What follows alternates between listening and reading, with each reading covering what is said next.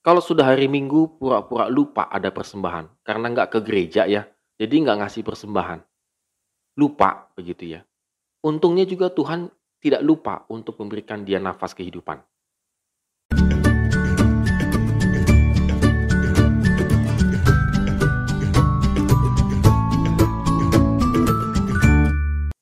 Morning Good Readers, hari ini kita kembali merenungkan firman Tuhan, tetap semangat, tetap optimis dalam kehidupan kita, supaya apa pun yang kita jalani adalah sungguh-sungguh berkenan di mata Tuhan. Dan kita akan membaca dari 1 Tawari pasal 29 ayat 1 sampai dengan yang ke-9. Oh yes, ini agak sedikit pendek ya ayatnya ketimbang kemarin-kemarin panjang-panjang ya. Ya, tetap semangat juga untuk membaca dan merenungkan firman Tuhan. Jadi kalau kita perhatikan dari kemarin adalah salah satu kerinduan terbesar Daud itu adalah membangun bait suci. Meskipun yang membangunnya Salomo, Daud itu mengumpulkan persembahan yang sangat besar untuk pembangunan bait suci. Ia memberikan hartanya sendiri 300 talenta emas dan 7000 maaf, 3000 talenta emas dan 7000 talenta perak. Satu talenta kira-kira 34 kg.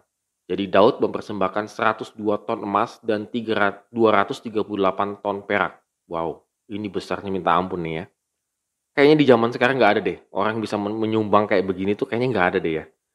Tindakan Daud menginspirasi rakyatnya sehingga mereka pun menyatakan kerelaan untuk turut menyumbang bagi pembangunan bait suci Allah. Cinta kepada rumah Tuhan Allah itulah yang membuat Daud bersedia berkorban. Padahal rumah Tuhannya itu belum jadi ya. Ingat ini ya, ini belum jadi ini rumah Tuhannya ya. Baru nanti Salomo akan membangunnya gitu ya.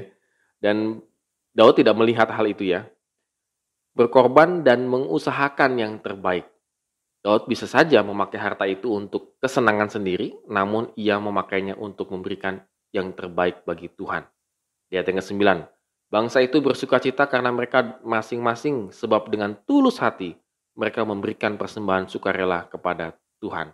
Juga Raja Daud sangat bersuka cita. Hari ini kita bisa belajar luar biasa untuk membangun sesuatu yang belum terjadi, yang belum kelihatan, Daud berani memberikan segala hal yang ia punya kepada Tuhan. Padahal dia nanti tidak akan melihat bangunan bait suci Allah itu tersebut. Tetapi dia sudah memberikan persembahan-persembahan yang terbaik dalam hidupnya. Kenapa? Karena dia memberikan dengan tulus hati kepada Tuhan, karena itu rasa cintanya dia kepada Tuhan, kasihnya dia kepada Tuhan maka persembahan yang ia berikan itu adalah tulus hati. Pertanyaan sederhana bagi kita adalah, kalau kita memberikan persembahan kepada Tuhan, apakah itu dengan tulus hati atau tidak? Apakah itu dengan ngomel-ngomel, ngedumel, dan lain sebagainya? Ini harus menjadi perenungan kita pada hari ini. Kalau kita memberikan persembahan itu dengan sukarela dan hasilnya adalah bersukacita.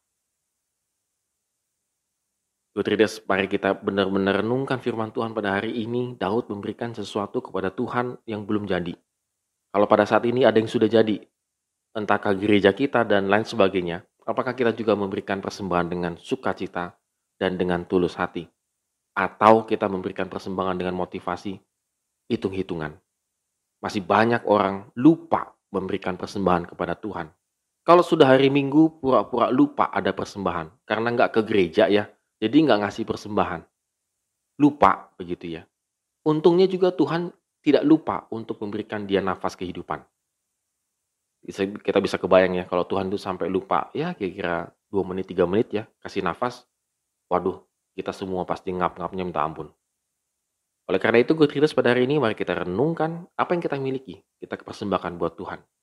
Dengan tulus hati dan penuh dengan ucapan syukur, hasilnya itu adalah sukacita dalam kehidupan kita. Amin. Terima kasih telah menonton video ini. Have a nice day and God bless us.